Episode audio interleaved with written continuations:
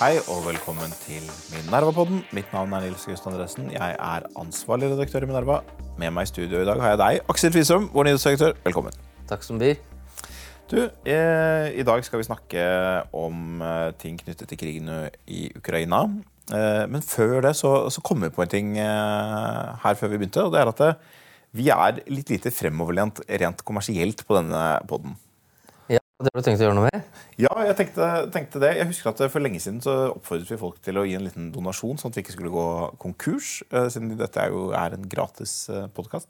Ved å vippse penger til mediehuset Minerva. Fritt valgt beløp. Hvis alle ga 10 kroner hver gang de hørte på podden, så ville alt bli veldig mye bedre. Hvis de ga 100 kroner eller 1000 kroner, så vil ting selvfølgelig bli enda mye bedre. Uh, og så er det noen som er sånn Nei, jeg nekter å donere penger. Jeg vil kjøpe et produkt. Og det er mulig. Da kan man abonnere på Minerva. Går man på minervanett.no slash abonnement. Det er det aller beste. Da kan du lese alt vi skriver på Minervanett. Det anbefaler vi. Uh, Og har du fra før, kan du gi det til noen andre. ikke sant? Ja. Veldig lurt. Det var ganske fremoverlent, var det ikke Det det? var veldig fremoverlent. Kommersielt Veldig innovativ markedsføring. Veldig innovativ markedsføring. Ja, Det kommer til å bli et case-studie på Markedshøgskolen om denne podcasten. Jo mer dere gir, jo større sjanse er det for at dette faktisk blir et case-studie på, på Markedshøgskolen. Men du, når vi er ferdig med det, så det er du som har foreslått litt temaer i dag. Det har nemlig skjedd en eh, Den siste uken så har eh, byen Mariupol mer eller mindre eh, falt Ikke helt, men nesten. Ja. nesten helt. Det har vært mange som har vært en fange utvekslingsaktig situasjon. Uavklart hvordan den, den ender. Men det er en, en mulighet til å diskutere litt noen aspekter ved eh, Azov-bataljonen, som, som har vært, eh, eller Azov-regimentet, som har vært stasjonert der. Hva, hva er det du har tenkt når du har vil snakke om dette? Nei, altså eh, Det som jeg syns er interessant å diskutere med det, både situasjonen i Mariupol og Azov-regimentet PC, er, er jo hva slags type ettermæle er det dette regimentet egentlig vil få. Fordi at eh, Det ene her er jo at eh, de er jo, holdt jeg på å si, utvilsomt egentlig heltene i dette forsvaret av Mariupol. Gjort en eh, veldig, veldig, veldig, veldig, viktig innsats for den, det ukrainske forsvaret og frihetskampen. fordi at de har jo holdt ut eh, i Mariupol, og de holder jo egentlig fremdeles ut med noen. Det er ikke alle som er inni dette Azovstal-stålfabrikken som har overgitt seg. Det er noen fremdeles igjen. Eh, og det gjør det jo veldig vanskelig for russerne å realisere det som er sitt viktigste krigsmål, som er jo å bygge denne landbroen mellom Donbass og Krim, hvor Mariupol er den viktigste byen imellom. Og de har bundet opp eh, store russiske styrker og holdt ut med eh, høy risiko for sitt eget liv. Mange av dem er jo døde, og mange av dem er jo såret, og det er også de som er evakuert ut. Men også en veldig viktig del av det, det, den ukrainske forsvarskampen. Men samtidig så har jo også dette regimentet det har jo en litt sånn en broket historie. Altså det, det, spill, det kommer opprinnelig ut av en slags tilknytning til ukrainsk eh, høyreekstremisme. Og så har det jo senere eh, liksom blitt inkorporert som en regulær del av den ukrainske hæren, som en slags sånn hjemme, heim, heim, heimforsvarsgruppe. Eh, men likevel så er jo deler av liksom, dette politiske bakteppet til Azov er ikke helt uproblematisk. Og øh, det som da gjør det litt interessant, det er jo når man skal diskutere øh, disse i ettertid, altså etter krigen. Altså Hva er det man liksom vil klare å vektlegge? Altså Vil man klare å si at øh, ja, disse er helter, men de blir liksom ikke de riktige heltene, fordi at det liksom ikke passer inn. Altså, du får ikke disse Azov-soldatene til å passe inn i en Disney-film der hvor helten er snill fra start til slutt i filmen, på et vis. ikke sant? Uh, så det vil jo bli en slags diskusjon om hva slags toleranse man har for kompleksitet. ikke sant? Altså Kan noen av de viktigste bidragsyterne til Ukrainas frihetskamp også ha veldig mange problematiske aspekter ved seg? Og vil man liksom likevel klare å verdsette den innsatsen de har gjort? da? Jeg kan jo spørre deg litt hva du syns om det. Ja, nei, det, det, det er en veldig interessant eh, situasjon. Altså, bortsett fra at det er en, en tragisk del og, og en heltemodig del av denne krigen, så er det veldig interessant nettopp et sånt minnehistorisk perspektiv. Bare begynne å utbrodere litt grann, eh, liksom, de militære virkningene, for det er noen para historiske paralleller som, som er veldig nærliggende her. Altså, det, det, det altså, altså, regimentet har gjort, er at det har bundet opp store styrker i Mariupol. Altså, russiske styrker har gått forbi det. De har gått forbi vestover og kommet til, til Kherson. Eh, men de har bundet opp 12 000-15 000 styrker i Mariupol i lang tid, over flere måneder. Eh, på et tidspunkt i krigen som var veldig kritisk, både med tanke på eventuelt å gå videre mot Mykolaev og Odessa, men også med tanke på den eh, offensiven som startet i Donbass i, i midten av april, hvor det fortsatt var store styrker bundet opp i, i Azov, og hvor de styrkene også ble, eh, ble desimert. Og, og, da de til slutt dro nordover mot Donbass, så var det mye mindre slagkraft i dem.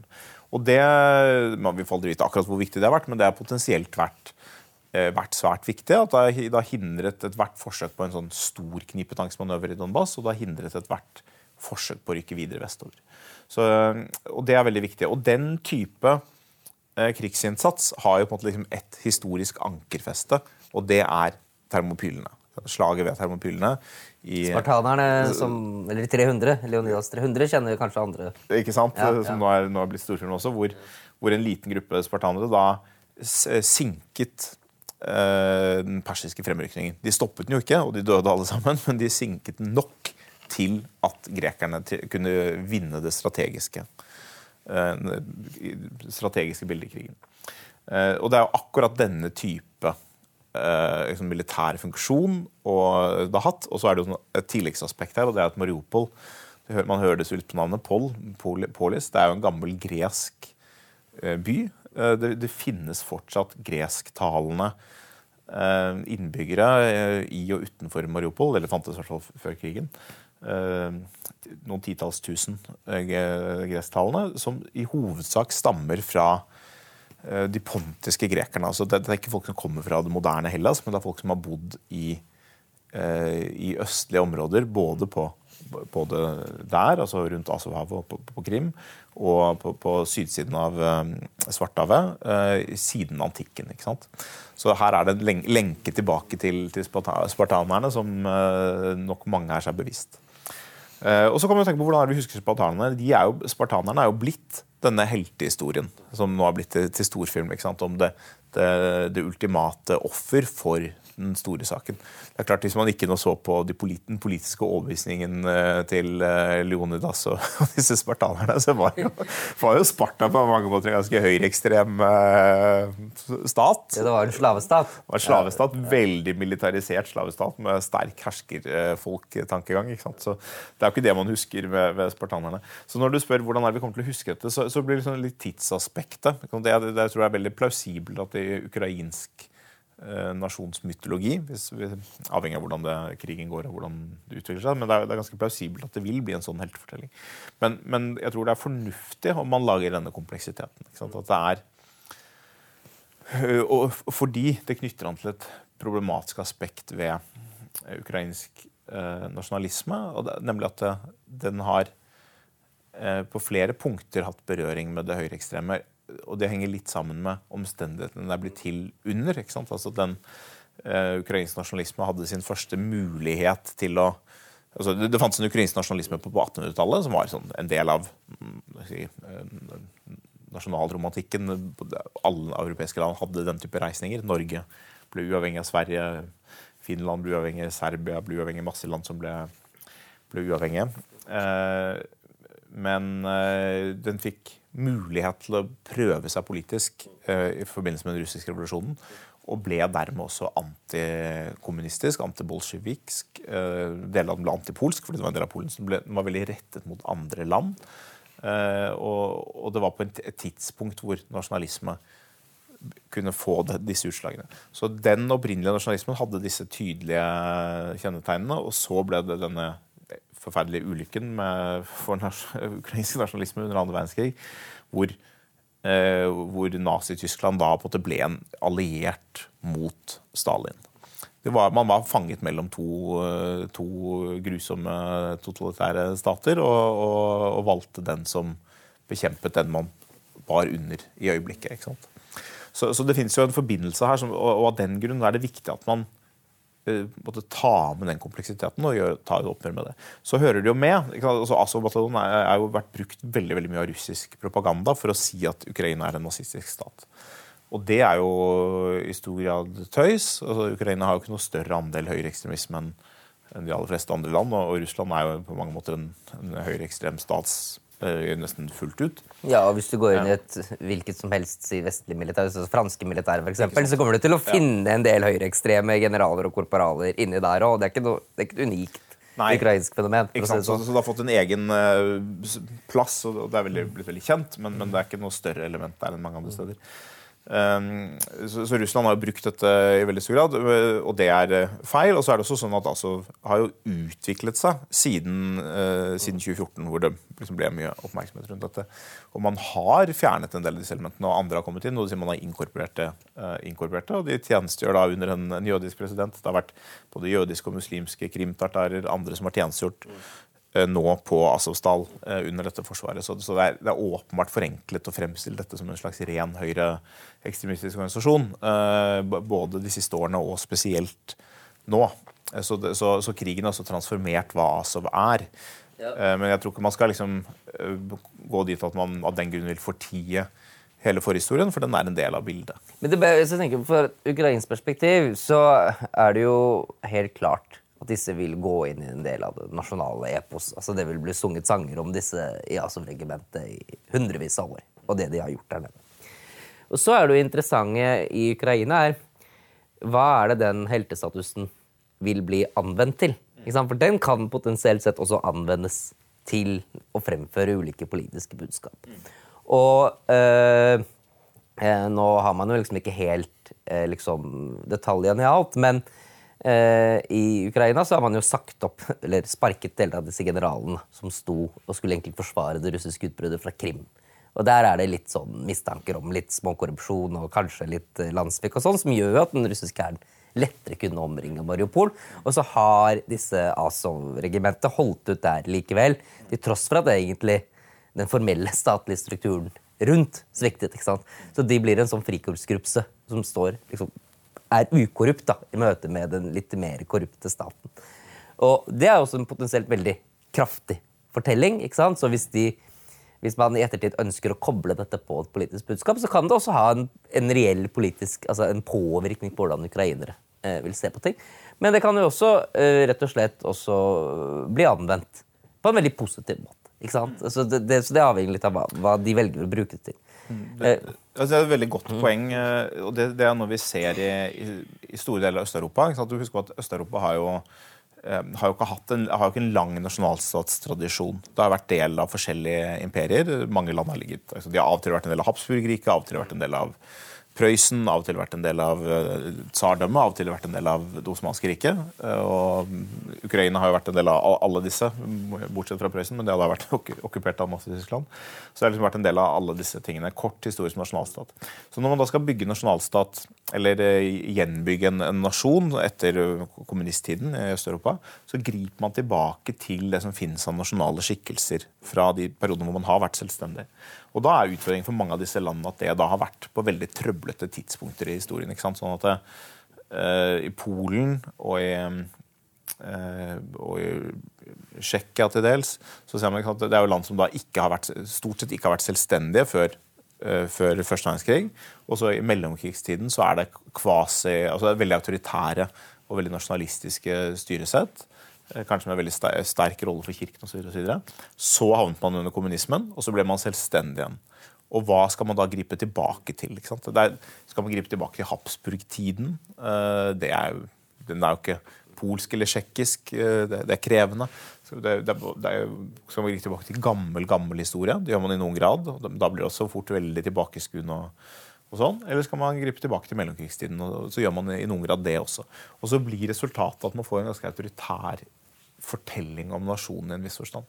Vi kjenner det litt fra Norge også, men, men det, var heldigere tider. Så Da Norges nasjonale blomstring begynte, så hadde jo 400-årsnatten. ikke sant? Det var, vi, vi, vi grep tilbake til noen ting. Vi fant også sånne helteforsvarere. Pillarguri.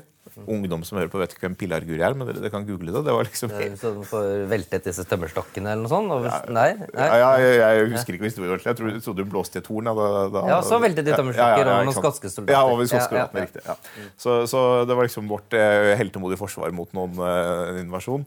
Og vi hadde jo ikke så mange heltemodige forsvar. Det, det, forstår vi jo når, når Pilar-Guri liksom er det som blir uh, stående igjen. Men vi grep tilbake til det vi hadde, og så grep vi tilbake spesielt til det som var før dansketiden. Så da var det mye vikinger, og det, vi, vi, var litt stolte av at vi hadde herjet og, og voldtatt og plyndret og, og sånn. 1800-tallet var vi litt stolte av det. Og vi prøvde oss jo liksom på Grønland å vinne tilbake gamle territorier og sånn. Men grunnen til at det ikke var så veldig farlig, det var at uh, dette skjedde samtidig som demokratibølgen på at det vokste frem eh, og ble veldig eh, definerende for, de nasjonale prosjektene. Og så var det så lenge siden, og det var overfor land som stort sett var sterkere enn oss. Vi hadde, vi, hadde, plyndret litt borti England, men det var ikke snakk om at Norge kom til å utgjøre noen trussel mot England i overskuelig fremtid. For å si sånn. så, så, det var liksom ikke så farlig at vi hadde denne forhistorien. Eh, men, men i en del av landet så er det problematisk. Det er problematiske relasjoner seg imellom, så det er viktig å viktig å løse på en god måte. Jeg skrev en artikkel eh, som ble denne uken, som er en liten teaser på, på neste kulturutgave i papir, eh, papirutgaven vår som kommer om et par uker. Som handler litt om dette historiske minnet. Først og fremst i Russland. altså Det landet som har det aller største problemet med sitt historiske minne. Det er Russland, som, som, som, ikke har noen ordentlig forståelse av seg selv som overgriper og som imperium og som kolonimakt. som det er. Man skjønner ikke helt liksom, at altså, Man skjønner ikke det som er åpenbart for alle andre, at estere, latviere, litauere, i noen grad hviterussere, vanskeligere situasjon, ukrainere, eh, georgiere ja, hater og frykter Russland etter 100 år med militær undertrykkelse, kommunistiske utrenskninger, nasjonal utslettelse, eh, assimilering, russisk sjåvinisme brutalitet. Liksom alt sammen. Man har ingen forståelse for denne historien. Mens russerne er veldig flinke til å se å, der, der er det noen eh, nazister. Det, det, er liksom det eneste de ser. Og så ser de ikke konteksten, hvordan dette har vokst frem i det hele tatt. Og, eh, og sånn. Så det er veldig veldig komplekse historiografiske forhold her. Men hvordan tror du, si et land som uh, Norge, da, som er jo et veldig sånn koselig, hyggelig, liberalt altså hvordan vil hvordan vil nordmenn med tid liksom forholde seg til ettermælet fra, fra ASO? Altså vil man uh, uh, Det er ikke så lett å si. For jeg, altså, vi, si. i Norge, Akkurat har, nå er det et helsepost, tror jeg. I, i, nå er det åpenbart et helsepost, mm. men så vil det jo sikkert ting bli Når det ikke er så ferskt, så vil man se det litt annerledes. Så du kan si at i Norge? Vi, i utgangspunktet så har vi ikke så veldig høy toleranse for kompleksitet, med mindre det er noe som er veldig viktig for oss. Så for eksempel Knut Hamsun der klarer man å ha en toleranse for kompleksitet. Ja, nazist, men også bra forfatter, så det er en del av, av det. ikke sant? Og så gnir man og gnukker litt og sier at han var sinnssyk, og sånn, så det ikke blir et ordentlig rettssak. og den type ting. Men øh, når det kommer til si en eller annen sånn, eh, et regiment i Ukraina, så tror jeg det kanskje det kan være vanskelig for, etter hvert bli vanskelig for liksom, nordmenn å ha den kompleksitetstoleransen. Da. At de både kan være liksom. Det kommer jo an på hvordan ukrainerne selv uh, forteller denne historien. Altså, helt enig, vi, har, vi har lav toleranse for kompleksitet. Jeg tror ikke det bare er uh, et norsk fenomen. Altså, tenk på liksom, debatten vi har om, om Churchill klarer vi liksom inkorporere meningsfullt at Churchill var liksom ganske ordentlig rasist også for sin tid, og, og har liksom helt mange grusomme synspunkter og, og handlinger, eh, så, så, også med samme politiker. Um, det er mange som mistrives med det. At man opplever at det blir en kamp om skal vi fremstille ham som god eller ond, og det, og det, man må velge. For han er jo Det er, er bare gode og onde Disney-filmer. Det er aldri en komplisert karakter. Nei, ikke sant, men store skikkelser. Hvis du skal En stor skikkelse Du vil liksom ikke si ja, han er en stor skikkelse, og han er litt god og litt ond. Ja. Altså det er sånn, Var Stalin 40% god, 40 60% altså det, er sånn, det er veldig komplekst å gå inn i det der. Det, det, liker man ikke. Vi burde bli mye flinkere til det, men det er, det er ikke bare nordmenn som ikke, ikke, liker det. Men jeg tror, eh, men noen ganger får vi det til. ikke sant? Og sånn Historien om tysk kultur for eksempel, er en av de sånn veldig komplekse tingene som vi har lært at ja, dette er kjempekomplekst. fordi Først så var det Goethe, og så, så ble det Hitler. Og et eller annet sted imellom der så var det noe som åpenbart var, var litt komplekst. Så, så, um, jeg tror hvis ukrainerne selv på en måte klarer å fortelle historien om at ukrainsk uavhengighet er blitt til under veldig vanskelige vilkår, og har hatt med seg mange vanskelige elementer i møte med de vilkårene, at, uh, så er det en historie som det går an å, å fortelle. Og så fins det jo det, det jo en slags hvis Asov, De som forteller, forvalter historien om Asov, inkludert de som er overlevende derfra, forvalter historien om at Azov ble en del av den nye, mer mangfoldige og demokratiske ukrainske staten, som var ledet av en, en vestvennlig jødisk president. Altså De kan selv fortelle den De historien. kan selv fortelle den historien. Og da er det mye lettere å liksom akseptere den kompleksiteten som ligger i det. Vi får se hvordan det går. Du, Vi skal over til, eh, vi skal til et nytt tema. Ja, og Om det samme temaet. Om det samme temaet, det er mer eller mindre. Eh, Men vi tenkte, vi har jo noen debatter eh, her hjemme og, og i, over i mange land om eh, to andre problematiske land. Et annet veldig problematisk land med gult og blått flagg. Sverige. Sverige og deres Finland. andre naboland. Ja, Finland. Sverige og Finland har Ikke så problematisk land, vil jeg si. Ja. De har rett og slett søkt Nato-medlemskap, og det er det tre, eh, tre viktige politikere i verden som motsetter seg. Det er Putin, det er sultanen i Ankara, Erdogan, og det er Bjørnar Moxnes i Rødt. ja. ja. Det er veldig godt selskap for Bjørn- Bjørnar Moxnes. hva- Det er jo mange interessante ting her. Altså, det er jo både det at de har søkt eh, kjent veldig, eh, Det var ikke uventet nå, men det er jo veldig interessant og veldig spennende. Eh, og så er det den motstanden. Så Den er jo interessant, både den fra Erdogan, som jo i teorien kan få betydning hvis man ikke klarer å gjøre noe med det. Det tror jeg det er håp om at man kan, men, men likevel. Det er, det er spenning der. Og så er det Moxnes-motstand, som er eh, så, som er det merker jeg, som, jeg, som har provosert meg sånn skikkelig. Eh, Jeg skjønner jo at jeg vet at mange andre vet alt. Jeg visste at Rødt er et eh, håpløst parti osv. Men, men for meg så kom det likevel som en slegge. Altså, det må jeg si. Men du kan begynne litt, Aksel. Hva, den, disse Nato-søknadene, hva, hva er din take? Nei, altså øh, Jeg syns først og fremst at det er veldig bra at disse landene blir, de, om de blir medlem, og at de har søkt. Det er jo øh, veldig positivt for, også for Norges forsvar, som jo primært er e- egentlig det viktigste også for, for vår egen del. At det er, da er flere partnere, Nato-partnere i, i Norden, hvor vi også skal uh, forsvare oss. Og så handler det jo om solidaritet med eh, våre nærmeste naboland og den sikkerhetstrusselsen som de føler på. Så jeg tenker at dette liksom er en sånn Det er en no-brainer. da. Det er bare eh, vinn for Norge, dette. Det handler om å, å ha, være gode naboer, og det handler om å bare, bare få igjen for å gjøre en god gjerning, egentlig. Eh, Kan jeg bare ta en liten ja. sånn eh, digresjon eh, som vi ikke egentlig har eh, plan Jeg hadde ikke egentlig planlagt der, men eh, sånn er det på podkast. Plutselig så blir det digresjoner. Uh, altså, hva, hva er det dette gjør med Norden? Det, jo, det er jo en uh, Norge, Sverige, Danmark og Finland. Hvis du tenker på det som en slags felles forsvarsstruktur, så er det jo et ikke helt ubetydelig land. Altså, det, eller uh, militærmakt. En stor militærmakt. Ja, altså Dette er jo land som har samlet BNP på 1100-1200 milliarder dollar. Uh, som er, begynner å nærme seg hva er det for noe da, 60-70% av, Russland i, i BNP. Eh, selvfølgelig ikke så mange mennesker. Og selvfølgelig eh, altså, Det er mange militære kapasiteter et sånt forsvar ikke har når det gjelder langtrekkende missiler og, og Først og fremst atomvåpen. Atomvåpen selvfølgelig, og og en del andre kapasiteter.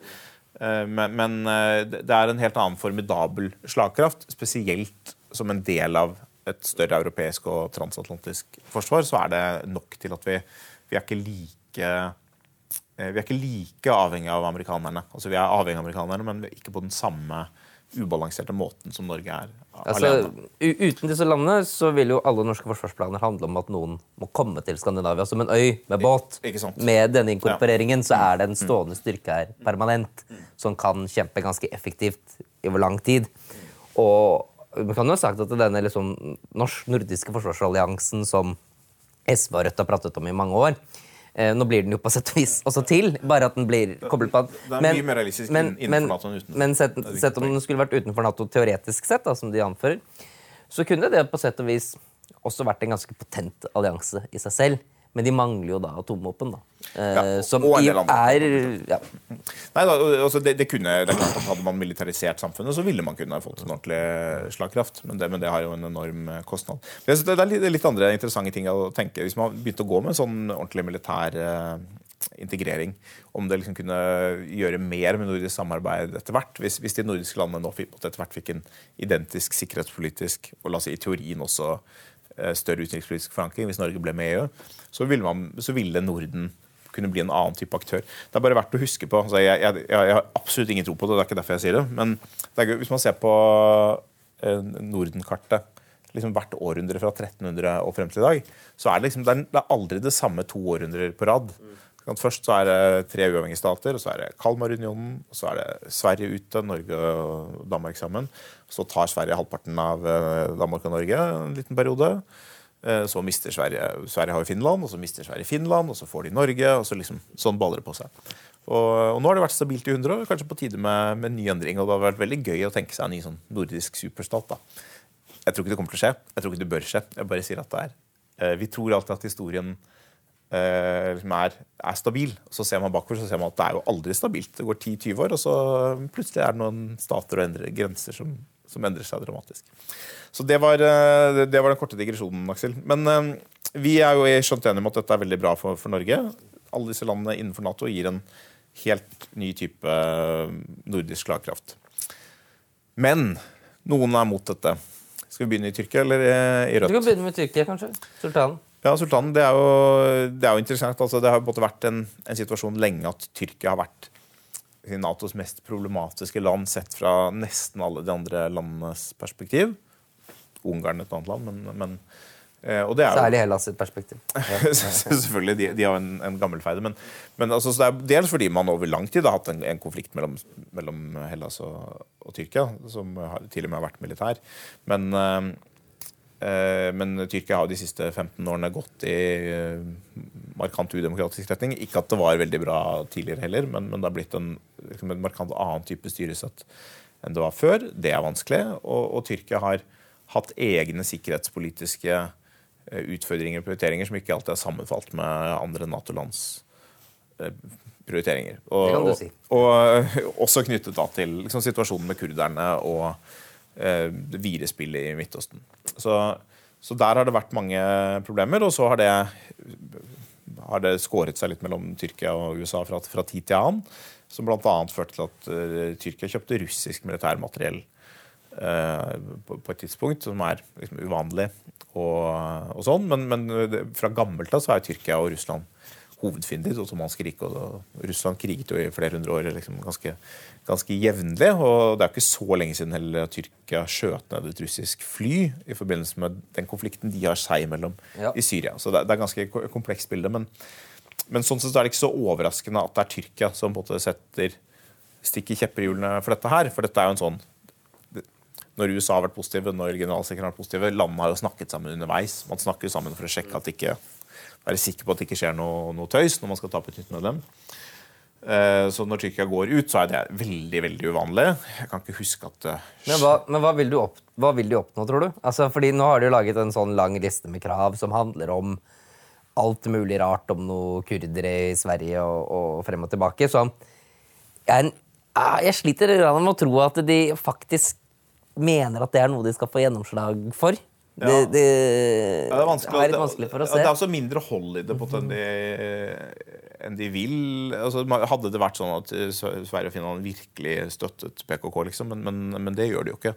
Så, så det, det, er vanskelig å se for at de kan få noe gjennomslag på det. Det er jo sånne all purpose-forhandlinger ofte. At man kan få gjennomslag for, for, hva som helst. Det kan være våpensystemer, flykjøp, det kan være Eh, andre sikkerhetspolitiske bilaterale ting de har med USA. Men det er klart at det, det skaper en litt vanskelig situasjon eh, som, hvor Nato-motstandere sikkert vil, vil eh, bite seg merke i det også. Men altså, det, det, kan jo tenkes at Finland og, Sverige, Finland og Sverige blir nødt til å gi en eller annen konsesjon, f.eks. Det er ikke sikkert aktuelt for dem. Jeg tror ikke, det er ikke det er ikke sikkert jeg er så desperat etter å bli medlem så raskt. Altså, I realiteten har jo disse landene nesten egentlig allerede blitt medlem. Ja, de har altså, fått så mange sikkerhetsgarantier ja. av de landene som er med i Nato. Så si, Hvis Storbritannia og Polen er med i en krig på finsk territorium, så tar det ganske kort tid før USA også de facto blir med i den krigen, selv om de faktisk ikke har gitt en eksplisitt uh... Absolutt, men disse sikkerhetsgarantiene har liksom vært litt av typen de gjelder eh, mens landet fortsatt er en søker, og inntil de blir medlem. Så hvis medlemskapet liksom termineres, uh, eller prosessen termineres, så kan det bli litt mer problematisk. Men, men, jeg tror ikke de vil gi store konsesjoner. men man kan ikke utelukke at de gir noe. eller jeg, jeg har ikke jeg har ikke innsikt nok til å, til å, utelukke noe. Men det er en sånn situasjon man ser jo det sant, med Norge, at det å være en allianse innebærer selvfølgelig at man i noen grad må ta hensyn til sine alliansepartnere. Eh, det legger noen begrensninger på hva man ellers ville sagt og gjort i noen sammenhenger.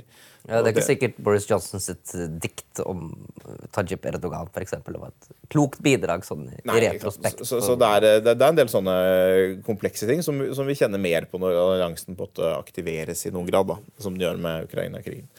Så, så det er jo det, det ligger jo der som en realitet. Det er det det betyr å være en allianse. Betyr at man, man tar et minimum av hensyn til hverandre. Ikke så mye mer, det kan man ikke gjøre, men et minimum av hensyn. Så mm, Nei, jeg, jeg er ikke akkurat sikker på hva han vil ha, men jeg er ganske sikker på at det er noe han vil ha, og at det er det som er bunnlinja. Ja, så noen må han ville ha, hvis ikke så hadde han ikke satt i gang den. Nei, nei, nei, nei, men også er jeg ganske sikker på at øh, Jeg er ganske sikker på at han kommer til å uh, gi seg, holdt jeg på å si, og akseptere dem. Men, men at det er en, en prosess av en eller annen art. Det er jo et annet land også. Kroatia har også satt noe sak, liksom, vist en uvilje mot dette. Uh, men er litt av samme type. De, det er et eller annet de ønsker seg, som, som de ikke har fått. Og så kan det nok hende at USA også vil være liksom øh, Si også at man kan ikke, det er ikke sånn at man kan få mange ting hver gang det er en sånn greie. fordi de fleste, altså, Tyrkia har jo et stort forsvar, men Kroatia har jo knapt nok noe Det setter jo en veldig rar presedens hvis man gir dem mange ting også. ja, det er det. ikke sant? Ja. Så, så de, de kan ikke få veldig mange ting, men, men det, det, det, er, det er på en måte det er ting her i, i relasjonen mellom Tyrkia og USA som eh, som har vært på bordet lenge, liksom, og som kanskje ses sammen. Vet, jeg. vet ikke. Men, men la oss gå til, eh, til den norske motstanden. Den er jo interessant. Er, I Norge så er det da Rødt har nå hatt uh, sentralstyremøte og bestemt seg for at de vil stemme mot, mot dette i Stortinget. Og det er jo helt uh, oppsiktsvekkende. Altså, hvis, uh, fordi, fordi det er jo, altså, hadde Rødt hatt flertall, så ville det jo betydd at Sverige og Finland ikke kunne bli med. At, sånn som jeg ser det, så er det, det er den største Det er den mest uvennlige sikkerhetspolitiske handlingen, mest uvennlige utenrikspolitiske handlingen noe noen nordisk land ville ha begått mot et annet land, eh, i hvert fall siden unionsoppløsningen i 1905. Eh, Kanskje, kanskje før. Vi, har en tradisjon for å være venner, eh, og det å nekte andre land sin foretrukne sikkerhetspolitiske tilknytning, det er, det er så eh, alvorlig at jeg vet ikke om vi liksom, vi har ikke hatt det i moderne tid. Liksom, hadde det skjedd, så ville jeg sett for meg at altså, hva ville jeg gjort hvis jeg var i svenske myndigheter? Jeg ville i hvert fall kalt inn ambassadøren på teppet. Kanskje kalt hjem ambassadøren til konsultasjoner. Ambassadøren til Oslo til konsultasjoner. altså Det er sånn helt oppsiktsvekkende. Men det Rødt sier, er sånn vi, da ville det ville jo endelig muliggjort et fantastisk brødreskap og samarbeid. Som om det liksom ikke hadde hatt noe å si at Norge bare dolket disse landene i ryggen akkurat mens de ble truet av Men hvis Rødt hadde den flertall, så ville de vel kanskje også meldt Norge ut av Nato, da. Så de ikke hadde hatt muligheten til å stemme. Ja. Ja, ikke med en gang. Ikke med en gang, ja. det er det de sier. Ikke sant? Så, så, Først ødelegge, og så melde seg ja, for ja. å si at Vi vil ikke melde oss ut med en gang, fordi vi har ikke ennå eh, bygget opp det forsvaret Rødt vil ha. Ja. Så de, så de vil være så de, de sier at Det er uansvarlig. Det sier Rødt. Det er uansvarlig å melde Norge ut med en gang. Vi må først bygge opp liksom et stort liksom, De ser for seg at man skal kunne bygge opp et forsvar liksom helt alene som kan være tilstrekkelig. Altså Israel bruker jo 6% av BNP på, på forsvar og har et ganske troverdig forsvar. Det vil jo bety et norsk forsvarsbudsjett på 180 milliarder, opp ca. 120 milliarder fra, fra i dag. Så det er jo absolutt noe som Hauker kan være glad for, men det blir ikke så mye penger igjen til Rødts eh, Så i mellomtiden, mens Norge bygger opp et stort forsvar for å være utenfor Ja. så skal vi nekte Finland og Sverige å komme inn, slik at de lever i en litt anstrengt sikkerhetspolitisk situasjon. Akkurat på, den, på det tidspunktet Og så- hvor Russland truer dem med litt. Og så skal vi da, når vi har meldt oss ut, så skal vi regne med at de skal være våre bussebissebasse etterpå og hjelpe oss som forsvarspartnere da, i den det er store nordiske alliansen. Jeg tror det er planen. Ja. Jeg tenker De må synes at det er en kjempegod plan Ja. i Stockholm og Helsinki. Og så er det også dette, Selv om Norge kunne jo absolutt ha glede av eh, ikke minst finsk eh, også samarbeidet med finske forsvaret, som er, som er ganske stort, har en del av de vi mangler. Eh, det svenske forsvaret er ikke superimponerende, men de har noen kapasiteter. Eh, men jeg tror ikke det er, jeg tror ikke liksom det er først og fremst den norske sikkerhetsgarantien disse landene har ønsket seg. Altså det ikke, de, seg, de, de søker ikke Nato-medlemskap for å få en for det, for det er det Bjørnar Moxnes nå sier. Ja, men Vi er veldig solidariske med Finland og Sverige, for vi vil stille opp for dem uh, i en krig. Men jeg, jeg vet ikke om det er de norske soldatene. Jeg, jeg, det, er ikke, det er ikke sikkert det er derfor de søker Nato-medlemskap. For å få de norske Det er soldatene. ganske sikkert ikke det. Jeg tror Finner generelt har nok en eh, litt rart syn på hvordan Norge tenker om sikkerhetspolitikk. Jeg har hørt sånne morsomme historier om for Norge har vært veldig opptatt av forbud mot landminer og klasevåpen. alle disse tingene som finnene selvfølgelig har veldig masse ikke sant? Og så fikk jeg gjenfortalt en morsom fortelling hvor det var noen nordmenn som var ute og pratet med liksom det finske forsvaret om landmineforbud og liksom forteller at ja, det går jo an å tråkke på en landmine. Dere skjønner folk kan tråkke på den, og finnene liksom sier det. Ja, men dersom noen tråkker på en landmine i Finland, så er det fordi de ikke er velkomne. Ikke sant? Og, eh, så de har liksom en litt annen eh, tilnærming. Og, det sånn, og det er nok neppe disse liksom norske eh, landmineablusjonistene da, som de liksom tenker at de er, de er mest interessert i å samarbeide med når de søker et eh, Nato-medlemskap. Nei. Nei, jeg synes det er helt, altså jeg, Vi har hatt diskusjoner her av og til om Rødt tidligere. Jeg mener Rødt har jo tatt mange skritt vekk fra det totalitære og udemokratiske partiet som det, det sprang ut av. Og har jo liksom forsøkt å posisjonere seg som uh, Gerhardsens etlinger på, på noe vis. Spesielt mye med Kristiansson. Og jeg har alltid ment at det er veldig uklokt å liksom bare komme trekkende med Pol Pot. Og, og, og, til og med også liksom de aller verste delene av Rødts prinsipprogram. Fordi, fordi, det er ikke det Rødt holder på med i hverdagen. Og det, det, det kommuniserer ikke med de velgerne som vurderer Rødt. Det, i det hele tatt. Men dette er jo faktisk noe Rødt holder på med i hverdagen. Ja, det, nå er det. Også, ja. det er derfor, men det er derfor jeg også er litt sånn, jeg merker at jeg ble nesten sjokkert. da. Altså, jeg, jeg trodde ikke at dette kunne skje Eh, med dagens Rødt. Helt greit, helt greit at Rødt er mot Nato. Det, det, vet vi at de vil melde Norge ut. Helt greit. Det kan jo helt greit om de uttrykker eh, tristhet over at eh, deres søsterpartier i Sverige ikke, ikke vant frem osv. Men det er faktisk å stemme mot at Sverige og Finland eh, og, eh, blir medlem, og store demokratiske flertall i begge disse landene, overveldende flertall i parlamentene, stor folkelig støtte Eh, å stemme mot det med en begrunnelse som er eh, altså en blanding av selvmotsigende og bare helt sånn frakoblet virkeligheten. Um, det, det, For meg er det helt, helt opprørende. Og spesielt den helt totalt manglende eh, forståelsen av hva det ville innebære i vår relasjon med disse landene å gjøre det. Så, så det, det, finnes liksom én hvis man skal være den aller mest velvillige tolkningen, da, som også vil være den aller mest realpolitisk kyniske. Det vil være å si at Hvis man mener at svensk og finsk Nato-medlemskap øker, krigen, øker sjansen for krig eh, for Norge i veldig stor grad. Det er, derfor, det, er, det, er, liksom litt det samme argumentet som man har brukt mot uh, Nato-medlemskap for Ukraina. At det, er, at det, øker sjansen for krig med Russland for Nato så mye at det er, uh, det er farlig. Jeg tror kanskje det var uklokt uh, overfor Ukraina også. altså at det var, Vi, vi feilbedømte i noen grad balansen mellom avskrekking og beroligelse. Men altså, Tanken om at svensk og finsk Nato-medlemskap øker sjansen for krig, det, det, er et argument som har vært brukt. Den er altså helt sånn far-fetched. Uh, selv Putin har jo sagt vi har ikke noe problem med disse landene. det er ikke noe, uh, altså det, Han uh, sier ikke det. Samt, samtidig som sant, andre russiske propagandister og sånn har jo lenge truet Finland med med, med alt mulig rart. Alt mulig rart ja. Noen sier dette er en del av det gamle Russland, det skal tas tilbake. Eh, andre har truet dem med litt uh, missiler nå, siden de, siden de, vil bli med Nato. Så, så litt. Det er ikke noe rart at Finland og Sverige søker en ny sikkerhetspolitisk forankring. Men sjansen for at det skal uh, bli mer sannsynlig med krig, uh, den synes veldig spesiell. Og vi, vi, vet jo at Russland har aldri angrepet et Nato-land. De har angrepet alle sine naboer som ikke er Nato-land, mer eller mindre. Omtrent. Ja. Omtrent. Altså, de, har, de har ikke akkurat de har angrepet Hviterussland direkte, men de har Eh, de kontrollerer landet i stor grad. Sender sine styrker inn dit, enten de er eh, velkomne eller ikke. De har angrepet Ukraina, de har, angrepet, eh, de har deltatt i en krig i Moldova, de har angrepet Georgia. Så det er, det er liksom ingen tvil om at det ikke å være Nato-medlem og ligge langs Russlands grense, det er i hvert fall en ganske utsatt posisjon. Så Russland har aldri angrepet Nato-land. Et Nato-land har heller aldri angrepet Eh, Russland heller, eller noen annen atommakt.